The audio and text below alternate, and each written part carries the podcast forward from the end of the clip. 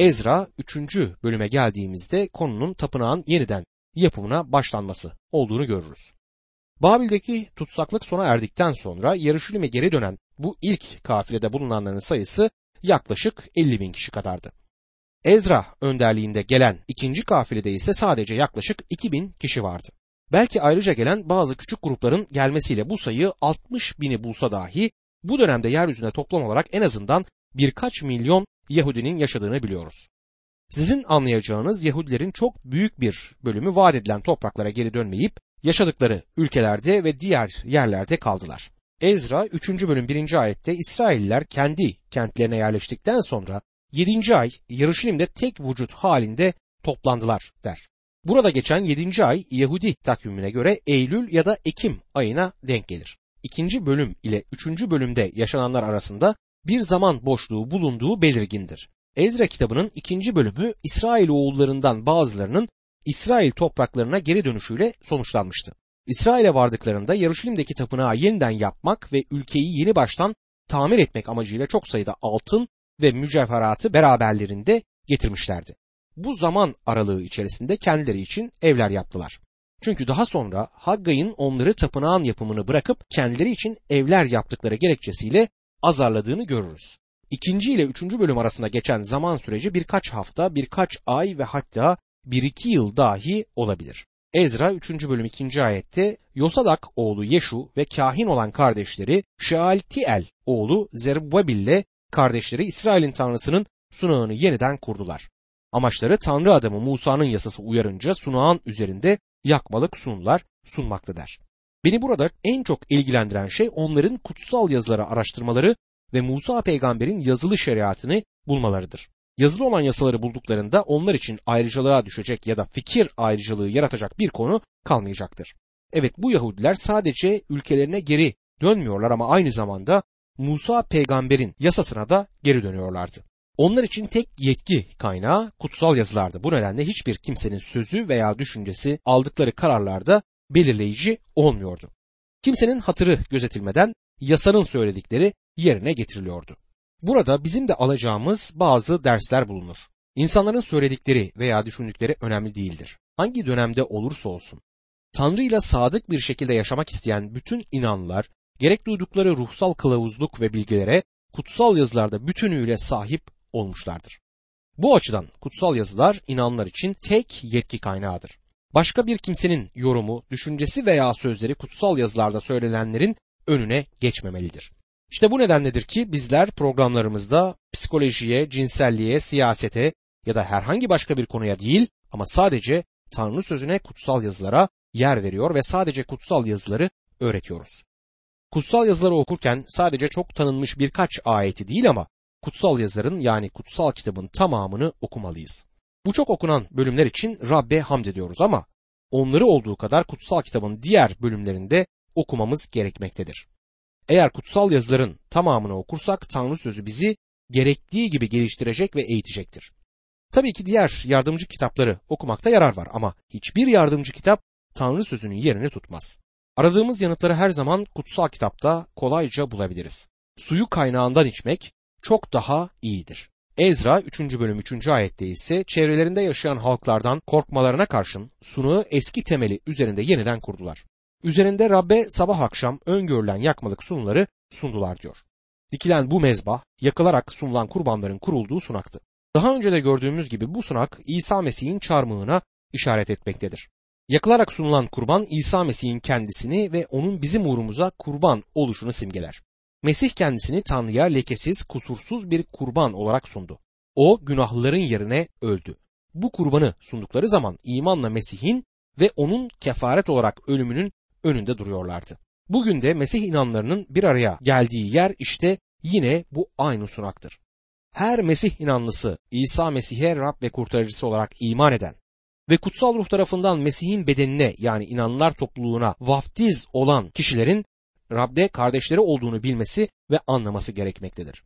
Benim kardeşim kendisiyle ruhsal paylaşımda bulunabildiğim kişidir. Ruhsal paydaşlık renk, kültür, dil ve ırk veya zengin olup olmama sorunu değildir. Ruhsal paydaşlığın bir kimsenin vaftizci, metodist, pentekostçu, karizmatik, antikarizmatik, Ortodoks ya da Katolik olup olmamasıyla hiçbir ilişkisi yoktur. Bunların hiçbirisi ruhsal paydaşlığın belirleyicisi olamaz. Önemli ve belirleyici olan bir kişinin gerçek anlamda İsa Mesih'e Rab ve kurtarıcı olarak iman etmesi, yeniden doğmuş olmasıdır. İman edip yeniden doğanlarla ruhsal bir paydaşlığımız olur. Evet önemli olan budur. Eğer bir kimse Tanrı'nın çocuğuysa o zaman ben de bir Mesih inanlısı olarak o kişiyle birlikte olabilir ve ruhsal paydaşlıkta bulunabilirim. İşte güzel olan da zaten budur. Babil tutsaklığından Yaruşilim'e geri dönen bu insanlar arasında muazzam bir birlik ve beraberlik olduğunu görüyoruz. Bu durum Tanrı'nın bütün çocukları arasında da yaşanması gereken çok büyük bir özelliktir. Mezmur yazarının 133. mezmurda söylediği gibi kardeşlerin birleşmiş olarak oturması ne iyidir ne hoştur. İsrail topraklarına geri dönen bu Yahudiler o dönemlerde yoksul ve alçak gönüllü insanlardı. Gözleri yukarılarda değildi. Sadece Tanrı'nın isteğini yerine getirmek isteyen kişilerdi bunlar. Bugün sizler ve ben bir çağın sonunda yaşıyoruz. Zamanları iyi takip edenler gösteriş zamanının çoktan geçtiğini anlamış olan kişilerdir. 25. mezmur 9. ayette alçak gönüllülere adalet yolunda öncülük eder. Kendi yolunu öğretir onlara diye okuruz. Bizler alçak gönüllü olmalıyız. İnanlı topluluklarımızda ya da iyi haberi yayan kurumlarda daima büyük şeyler yapmaya çalışıyoruz. Hayır böyle şeyler yapmamıza hiç gerek yok. Bizim ihtiyacımız Mesih'in çevresinde toplanmak ve tek bir yürek ve düşüncede olmaktır. Tıpkı Babil'den, sürgünden geri dönen bu insanların olduğu gibi. Ezra 3. bölüm 4 ve 5. ayetlerde sonra yazılanlara uygun biçimde çardak bayramını kutladılar. Kural uyarınca her gün için belirlenen sayıya göre yakmalık sunuları sundular. Bundan sonra da günlük yakmalık sunuyu, yeni ay sunularını, Rabbin belirlediği bütün kutsal bayramların sunularını ve Rabbe gönülden verilen sunuları sundular diyor. Bu insanlar Tanrı'nın sözüne geri döndüler. Önce sunağı kurdular ve sonra tapınağın temellerini atmaya başladılar. Ezra 3. bölüm 6 ve 7. ayetlerde ise Rabbin tapınağının temeli henüz atılmadığı halde 7. ayın 1. günü Rabbe yakmalık sunular sunmaya başladılar. İsrailliler taşçılarla marangozlara para ödediler. Ayrıca sedir tomruklarını Lübnan'dan denize indirerek Yafa'ya getirmeleri için Saydalılara ve Surlulara yiyecek, içecek, zeytinyağı sağladılar. Bütün bunlara Pers kralı Koreş izin vermişti diyor. Tanrı'nın Yaruşilim'deki tapınağına vardıktan sonra ikinci yılın ikinci ayında Şealtiel oğlu Zerubbabil, Yosadak oğlu Yeşu ve bütün öteki kardeşleri, kahinler, Levililer ve sürgünden Yaruşilim'e dönenlerin tümü işe başladılar. Rabbin tapınağının yapımını denetlemek için 20 ve daha yukarı yaştaki Levilleri görevlendirdiler. Levillerden Yeşu oğulları ve kardeşleri Yahut soyundan Kadmiel ile oğulları Henadat'ın oğullarıyla torunları Tanrı'nın tapınağının yapımında çalışmaları denetleme işini hep birlikte yüklendiler. Yapıcılar Rabbin tapınağının temelini atınca İsrail kralı Davut'un kuralı uyarınca kahinler Rabbi övmek için tören giysilerini giymiş olarak ellerinde borozanlarla Levili Asaf oğulları da zillerle yerlerini aldılar diyor. Bu ana kadar bu insanlar sadece bir sunak yapmış, bir de bu tapınağın temelini atmışlardı. Ama bu kadarcık adım dahi onları heyecana ve sevince boğduğundan sanki tüm tapınağı baştan sona yeniden yaptıklarını düşündüler. Tapınmalarında Tanrı'ya adanma zamanına, duaya, hamd ve övgülere yer vermekteydiler. Bu onlar için heyecan verici, büyük bir olaydı.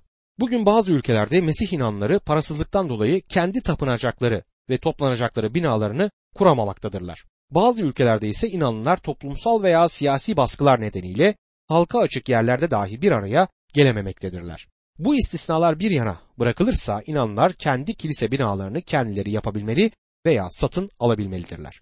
Bodrum katlarında yıkık dökük yerlerde toplanarak Mesih'e tapınmak hiç de hoş değildir. Bir kilise binası olmasa dahi temiz bir salon satın alınarak tapınmaya uygun bir duruma getirilebilir. Bu Yahudiler yapmış oldukları tapınak nedeniyle büyük bir sevinç ve heyecan yaşadılar. Bunun sonrasında da büyük bir tapınma töreni düzenlediler. Rabbe övgüler, şükranlar sunarak ezgi okudular. Rab iyidir. İsrail'e sevgisi sonsuzdur. Rabbin tapınağının temeli atıldığı için herkes yüksek sesle Rabbi övmeye başladı diyor Ezra 3. bölüm 11. ayetti. Bu insanların çoğu yaşamlarında Süleyman peygamberin yaptığı tapınağı hiç görmemiş genç kuşaktan insanlardan oluşuyordu. Ezra 3. bölüm 12 ve 13. ayetlerde ise eski tapınağı görmüş birçok yaşlı kahin, Levili ve boybaşı tapınağın temelinin atıldığını görünce hıçkıra hıçkıra ağladılar. Birçokları da sevinç çığlıkları attı. Sevinç çığlıkları ağlama sesinden ayırt edilemiyordu. Çünkü halk avaz avaz bağırıyordu. Ses uzak yerlerden bile duyuluyordu diyor. Bu tapınma törenine katılan iki grup insan bulunmaktaydı. İlk grup Süleyman peygamberin yapmış olduğu o eski tapınağı yaşamlarında hiç görmemiş olan genç kişilerden oluşuyordu. Bu onlar için yeni bir şeydi. Gençliklerinin verdiği canlılık ve heyecan içerisinde Tanrı'ya hamdlar ediyorlar ve Tanrı da onları bereketliyordu. İkinci grupta ise yaşlılar bulunmaktaydı. Bunlar Süleyman peygamberin tapınağını henüz sürgüne gitmedikleri zamanda çocukken görmüşlerdi ve o muhteşem bir tapınaktı. Şimdi yaptıkları tapınak onun kadar gösterişli değildi. Eski tapınağın gösterişi ve büyüklüğü karşısında yeni yapılacak bu tapınak bir hiç sayılırdı. Keşke bu gençler o eski tapınağı görebilselerdi diye düşünüyor olmalıydılar. Yaşlı grubun gençlere bunları anlatması genç kuşağın hoşuna gitmese de bu bir gerçektir.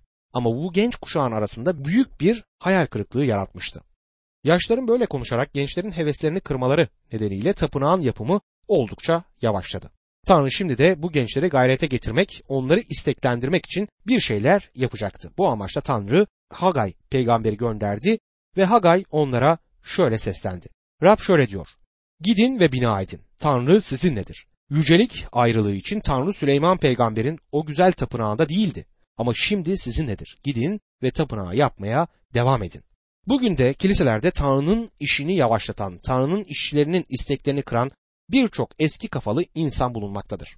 Bence kilisenin bugünkü pasifliğinin ve bu kadar gevşek oluşunun en büyük nedenlerinden birisi kiliselerde bulunan ve sürekli olarak olumsuzluk yayan bu eski kafalı bazı yaşlı gruplardır. Bu yaşlılar daima eski günleri anımsayıp geride yaşarlar ama hiçbir zaman bugüne ayak uydurarak çağın gereklerine uymazlar. Ben de orta yaşlı birisi olarak zaman zaman bugünkü gelişmeleri, kiliselerde olup bitenleri eleştiriyorum ama yargılamıyorum. Yargıyı Rab'be bırakalım. Bakalım o zaman neler olacak. Rab kendisine ait olanları çok iyi biliyor. O kendisine ait olanları kendisine ait olmayanlardan ayıracaktır. Tıpkı buğdayın samandan ayrıldığı gibi. Bu onun yapacağı bir iştir. Onun yapacağı bu işi biz üstlenmemeliyiz. Bu bizim işimiz değildir. Bugün hemen hemen her ülkede yüzlerce, binlerce insan kurtuluş bulmak için İsa Mesih'e koşuyor. Bu uğurda yapılacak çok iş var. Gelin eleştirileri bir yana bırakalım ve bizim gibi düşünmeseler veya tapınmasalar bile Mesih'te olan kardeşlerimizi destekleyelim ve onları her iyi işte isteklendirmeye devam edelim. İncil okulunda öğrenciyken zaman zaman benden yaz toplantıları düzenlemem istenirdi. Ben de birkaç arkadaşla bu toplantıları düzenler ve katılan insanlara İncil'i vaaz ederdim. Hamdolsun Rab bu toplantıları bereketler ve kurtulanlar olurdu. Hiç unutmadığım bir olay yine böyle birkaç günlüğüne düzenlediğimiz bir toplantıda gerçekleşti. Toplantının son gecesinde bir iki kardeş oturmuş toplantıların bereketli geçmiş olması nedeniyle Rabbe teşekkür ediyorduk. Karşımızda yaşlı bir inanlı oturmuş bizi dinliyordu. Bize seslenerek çocuklar güzel bir toplantı yaptınız dedi. Ama biliyor musunuz? Ben gençken nasıl toplantılar düzenliyordum diye sorunca birazcık konuşsun diye adama fırsat verdik. Keşke bu fırsatı vermez olsaydık. Adam anlattı da anlattı. Öyle masallar, öyle hikayeler anlattı ki bizim toplantımızı o gece zehir etti. Gidenlerden hiç kimse bir şey anlamadı. Biz çok kızdık. Üstelik moralimiz de epey bozulmuştu. Ertesi gün ihtiyarı onun gençliğinden beri tanıyan bir kız kardeşe sordum. Dedi ki o bir palavrıcıdır. Bir iki toplantı tertip ediyordu ama katılanlar ve Rabbe gelenler hiç de öyle bahsettiği kadar çok değildi. Bizim ihtiyar böyle şeyleri abartmayı ve konuşmayı çok sever. Bildim bileli hep öyledir diye bize anlattı. Evet yaşlı olabiliriz. Hepimiz bir gün yaşlanacağız. Ama gençlerin isteğini kırmayın. Morallerini bozmayın. Onları cesaretsizliğe düşürmeyin. Daha çok onlar için dua edin ve onlara ölçülü desteklerde bulunun. Babil'den dönen yaşlılar gençlerin moralini nasıl bozdu biliyorsunuz. Bu nedenle hepimizi dikkatli olmaya çağırırım. Ezra 4. bölümde Artahşaş'tanın emriyle tapınağın yapımının durduruluşunu görüyoruz tapınağın yeniden yapılması projesine karşı muhalefet içeriden değil dışarıdan geldi. Bu oldukça ayrıntılı bir bölüm olduğundan olayın özüne inmekten başka ayrıntılarla zaman kaybetmek istemiyordu. Bu geldiğimiz kutsal yazı bölümlerinde düşmanların tapınağın yapımına karşı koyduğunu görürüz. Ezra 4. bölüm 1 ve 2. ayetlerde Yahudalılarla Benyaminlilerin düşmanları sürgünden dönenlerin İsrail'in tanrısı Rab için bir tapınak yaptığını duyunca Zerubbabil'in ve boybaşlarının yanına vardılar. Tapınağı sizinle birlikte kuralım dediler. Çünkü biz de sizin gibi Tanrınıza tapıyoruz. Bizi buraya getiren Asur kralı Esarhaddon'un döneminden bu yana sizin Tanrınıza kurban sunuyoruz. Daha sonra incelemelerimizde Babil'den sadece iki oymağın yani Yahuda ve Benyamin oymaklarının değil ama 12 oymağın hepsinin de gerçekten İsrail'e geri dönmüş olduklarına değineceğiz. Bu insanlar vaat edilen topraklara Asur kralı Esarhaddon'un tahta bulunduğu bir dönemde geri döndüklerini söylüyorlardı. Anımsayacaksınız İsrail'in kuzey bölgesindeki oymakları tutsak alanlar Asurlulardı. Tutsak olarak giden bu insanlardan bazıları yolunu bulup İsrail topraklarına geri döndülerse de bu dönem içerisinde bölgede yaşayan Samiriyelilerle karıştılar. Sonuç olarak Babil'den dönen Yahudilerle birlikte yaşamak istediklerini burada dile getiriyorlar.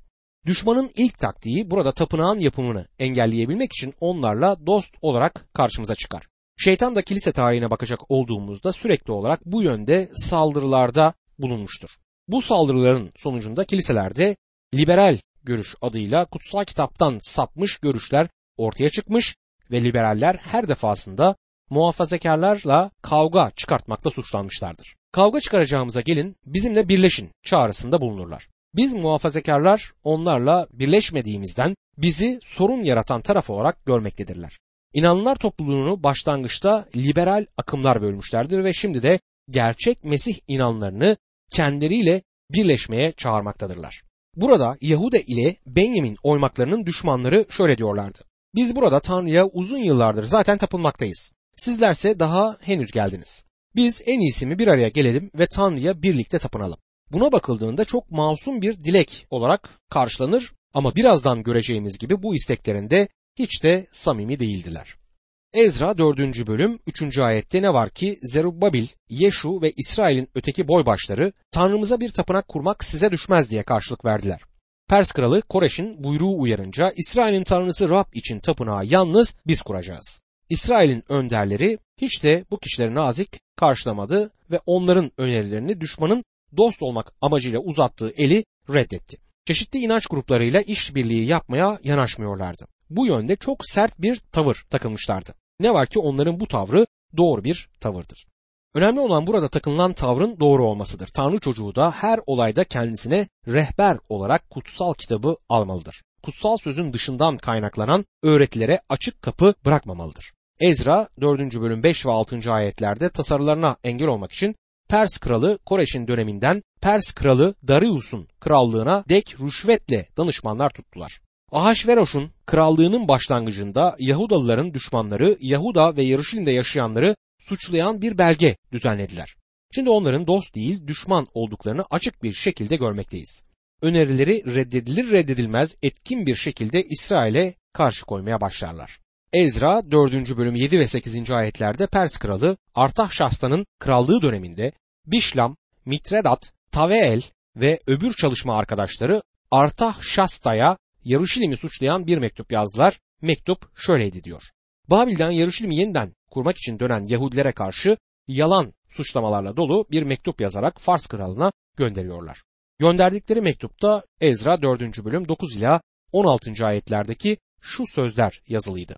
Vali Rehum, Yazman Şimsay ve öbür çalışma arkadaşları yargıçlar, yöneticiler, görevliler, Persler, Erekliler, Babililer, Elam topraklarından gelen Sus halkı, büyük ve onurlu Asurbanipal'in sürüp Samiriye kentiyle Fırat'ın batı yakasındaki bölgeye yerleştirdiği öbür halklardan.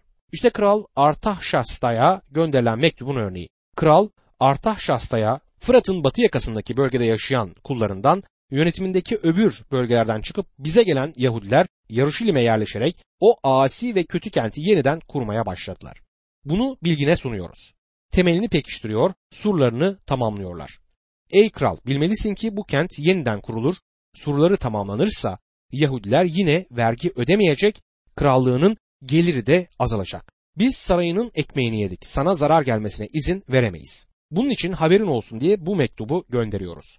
Atalarının belgeleri araştırılsın. Kayıtlarda bu kentin asi krallara, vaillere zarar veren bir kent olduğunu göreceksin. Bu kent öteden beri baş kaldıran bir kenttir. Yerle bir edilmesinin nedeni de budur. Bu yüzden ey kral sana bildiriyoruz. Bu kent yeniden kurulur, surları tamamlanırsa Fırat'ın batı yakasındaki bölgede hiçbir payın kalmayacak. Onların iddialarına göre Yarışilim asi bir şehir ve şehrin yeniden yapılmasına izin verilirse kral Artaşasta'nın onlarla başı derde girebilirdi. Böylece Fars kralı onların öğütlerine kulak verir. Kayıtları araştırarak söylenenlerin doğru olup olmadığını öğrenmeye çalıştı. Yanıt olarak yazdığı mektupta Ezra 4. bölüm 17 ila 22. ayetler arasında şunları okuyoruz. Kral şu yanıtı gönderdi. Samiriye'de ve Fırat'ın batı yakasındaki öbür yerlerde yaşayan Vali Rehum'a, Yazman Şimsa'ya ve öbür çalışma arkadaşlarına selamlar. Bize gönderdiğiniz mektup çevrilip bana okundu. Buyruğum üzerine araştırma yapıldı. Bu kentin öteden beri krallara baş kaldırdığı, isyan ettiği, ayaklandığı saptandı. Yarışilmi güçlü krallar yönetti. Fırat'ın batı yakasındaki bütün bölgede egemenlik sürdüler. Oradaki halktan vergi topladılar. Şimdi işi durdurmaları için bu adamlara bir buyruk çıkarın. Öyle ki ben buyruk vermedikçe kent yeniden kurulmasın. Bu konuya özen gösterin. Krallığıma daha fazla zarar gelmesin. Fars kralından bu mektup ellerine ulaşır ulaşmaz sözde dost olup tapınağa yapmalarına yardımcı olacaklarını söyleyen bu insanlar mektubu aceleyle inşaat alanına götürürler. Ezra 4. bölüm 23 ve 24. ayetlerde Kral Artahşasta'nın mektubunun örneği kendilerine okunur okunmaz Rehum, Yazman Şimsay ve öbür çalışma arkadaşları hemen Yaruşilim'e Yahudilerin yanına gittiler ve zorla onları durdurdular. Böylece Tanrı'nın Yaruşilim'deki tapınağının yapımı Pers kralı Darius'un krallığının ikinci yılına dek askıda kaldı diyor. Tapınağın yeniden yapılması için başlatılan çalışmalar böylece durdurulmuş oluyordu.